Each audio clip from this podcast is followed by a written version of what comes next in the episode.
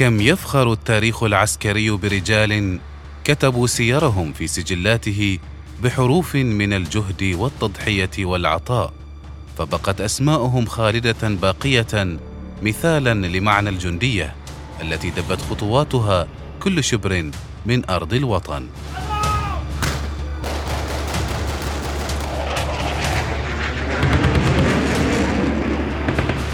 جنود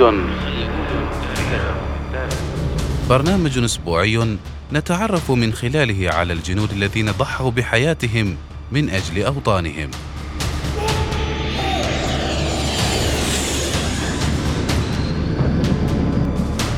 جنود لدهم.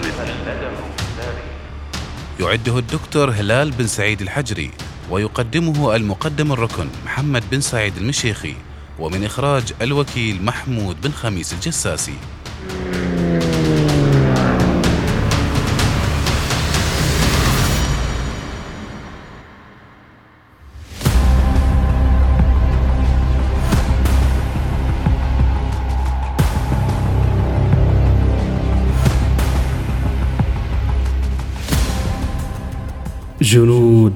خلدهم التاريخ جعفر بن أبي طالب.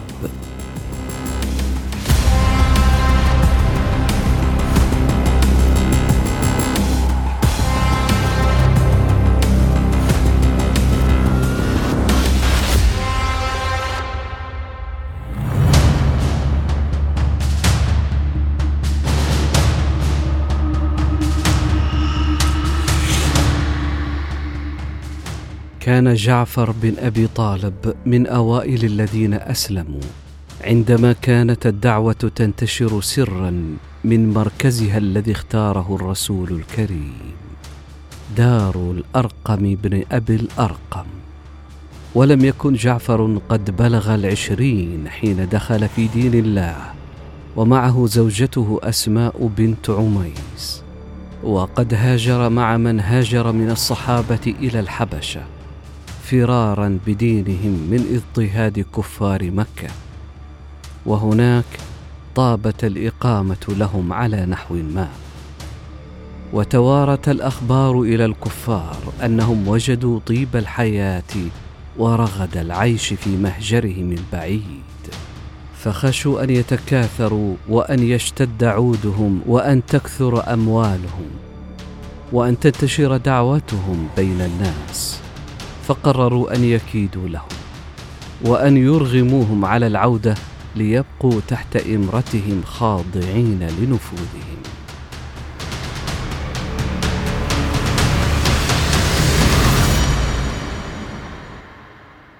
واتفق رأيهم على أن يبعثوا برسولين إلى ملك الحبشة وحمل الرسولان الهدايا النفيسة النادرة المجلوبه من بلاد الروم والفرس. وسافروا إلى الحبشة حيث وزعا الكثير من هذه الهدايا على البطارقة الحبشيين.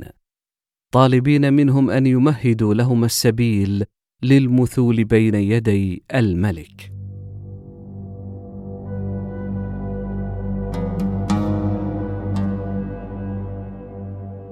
وتمت المقابلة ووضع الرسولان الهدايا الثمينه بين يدي النجاشي. ثم قال له أيها الملك إنه قد ضوى إلى بلدك غلمان من سفهائنا فارقوا دين قومهم ولم يدخلوا في دينك وجاءوا بدين ابتدعوه لا نعرفه نحن ولا أنت وقد بعثنا إليك فيهم أشراف قومهم من أبنائهم وأعمامهم وعشائرهم ومواليهم فهم أبصر بهم وأعلم بما عابوا عليه وعاتبوهم فيه. ونظر النجاشي إلى البطارقه ولمح في وجوههم أمارات التأييد لما جاء من أجله الرسولان. غير أن النجاشي لم يتسرع في إصدار الأوامر فقد كان ملكا عدلا حصيفا حكيما في تصرفاته عادلا في أحكامه. ومن ثم رأى أن من الحكمة والعدل وحسن التصرف أن يستمع إلى أقوال الطرف الآخر في الموضوع. فأمر باستدعاء بعض رجالهم فجاءوا وفي مقدمتهم جعفر بن أبي طالب متحدثا باسمهم مدافعا عن موقفهم. وقال الملك من أنت؟ وأجاب جعفر بثبات جعفر بن أبي طالب ومعه حزب الله. فقال الملك تقدم وتكلم. ولما صار جعفر في مواجهة النجاشي واقفا مرفوع الهامه لا يفعل كغيره من الساجدين أمام الملك. قال له البطارقة في غضب ما لك لا تسجد لمليكنا العظيم؟ فقال جعفر وهو أشد ما يكون ثباتا معاذ الله أن نفعل ذلك. إنا لا نسجد إلا لله عز وجل. وشرع الملك يسأل فقال ما هذا الدين الذي فارقتم فيه قومكم؟ ولم تدخلوا في دين قومي ولا في دين أقوام آخرين. فأجاب جعفر قائلا أيها الملك كنا قوما أهل جاهلية نعبد الأصنام ونأكل الميتة ونأتي الفواحش ونقطع الأرحام ونسيء الجوار.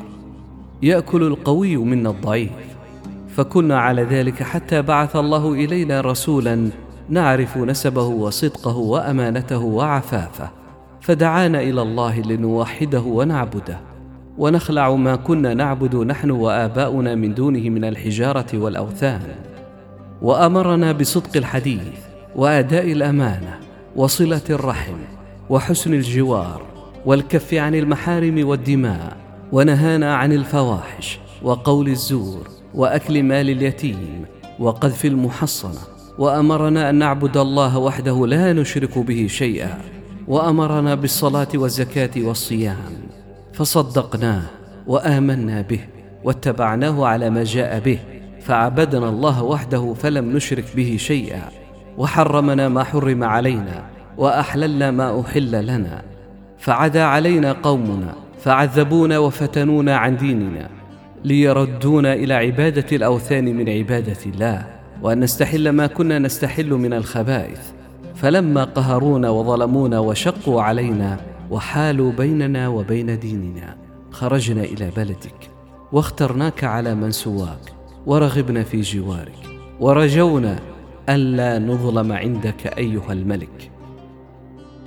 فقال النجاشي لجعفر هل معك مما جاء به عن الله من شيء؟ فقرأ عليه آيات من سورة مريم فيها قصة نبي الله زكريا. فبكى النجاشي والاساقفه من حوله حتى بللوا مصاحفه. عندها التفت النجاشي إلى رسولي قريش وقال إن هذا والذي جاء به عيسى لا يخرجان من مشكاة واحدة والله لا أسلمهم إليكما أبدا.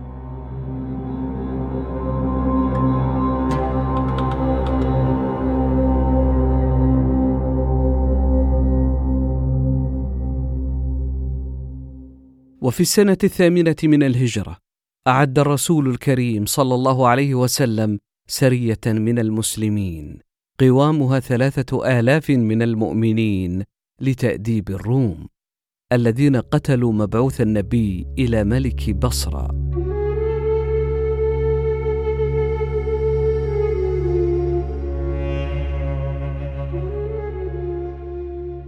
وتم إعداد السرية وأوصى الرسول رجالها وقال لهم أمير القوم زيد بن حارثة فإن قتل فجعفر بن أبي طالب فإن قتل فعبد الله بن رواحة فإن قتل فليرتضي المسلمون رجلا فيجعلوه عليهم.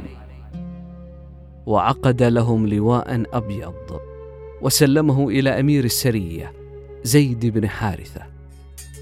ودارت رحى القتال بين المسلمين والروم في موقعة مؤتة وكان جيش الروم أضعاف أضعاف جيش المسلمين ولكن هؤلاء استبسلوا في القتال. يحدوهم نور الإيمان والرغبة في النصر أو الشهادة وقتل زيد بن حارثة. فحمل اللواء جعفر بن أبي طالب فراح يحارب ويناضل ويضرب بسيفه واللواء في يده الأخرى يمينا وشمالا وهو ينشد قائلا يا حبذا الجنة واقترابها طيبة وبارد شرابها والروم روم قد دنا عذابها علي إن لاقيتها ضرابها. وفزع مقاتلو الروم وهم يرون هذا القائد الباسل يعمل فيهم بسيفه ورأوا أن الفرار أمامه سيؤدي بهم إلى الهزيمة. فتكالبوا عليه حتى تعذر على فرسه الحركة. فنزل عنها وهو يضرب بالسيف ذات اليمين وذات الشمال. ولمح أحد الأعداء يهم بركوب الفرس فعز عليه أن يركبها عدو من أعداء الله. فانفلت إليها يذود عنها واستمر في قتاله الباسل حتى بترت يمينه واحتضن اللواء بذراعه المبتورة. وراح يضرب بالسيف في رقاب الأعداء بشماله وقطعت شماله.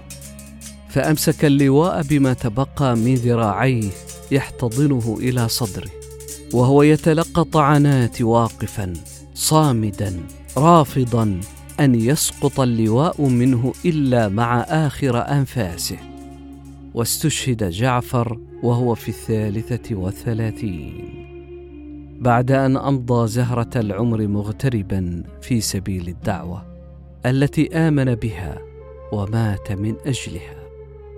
وقال عبد الله بن عمر لقد استشهد جعفر بن أبي طالب فالتمسناه بين الشهداء فوجدناه ووجدنا في جسده بضعا وتسعين ضربة ورمية ليس منها واحدة في ظهره. وهكذا أصبح جعفر بن أبي طالب من الجنود الذين خلدهم التاريخ.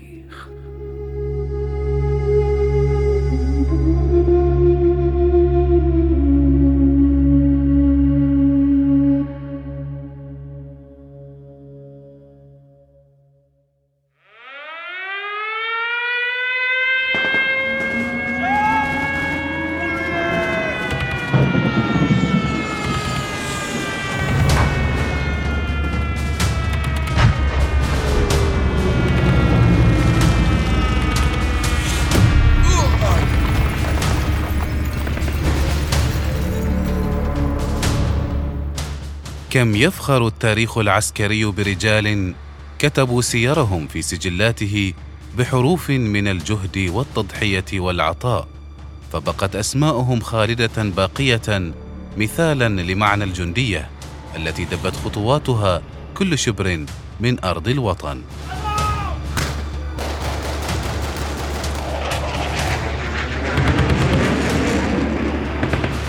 جنود برنامج أسبوعي نتعرف من خلاله على الجنود الذين ضحوا بحياتهم من أجل أوطانهم.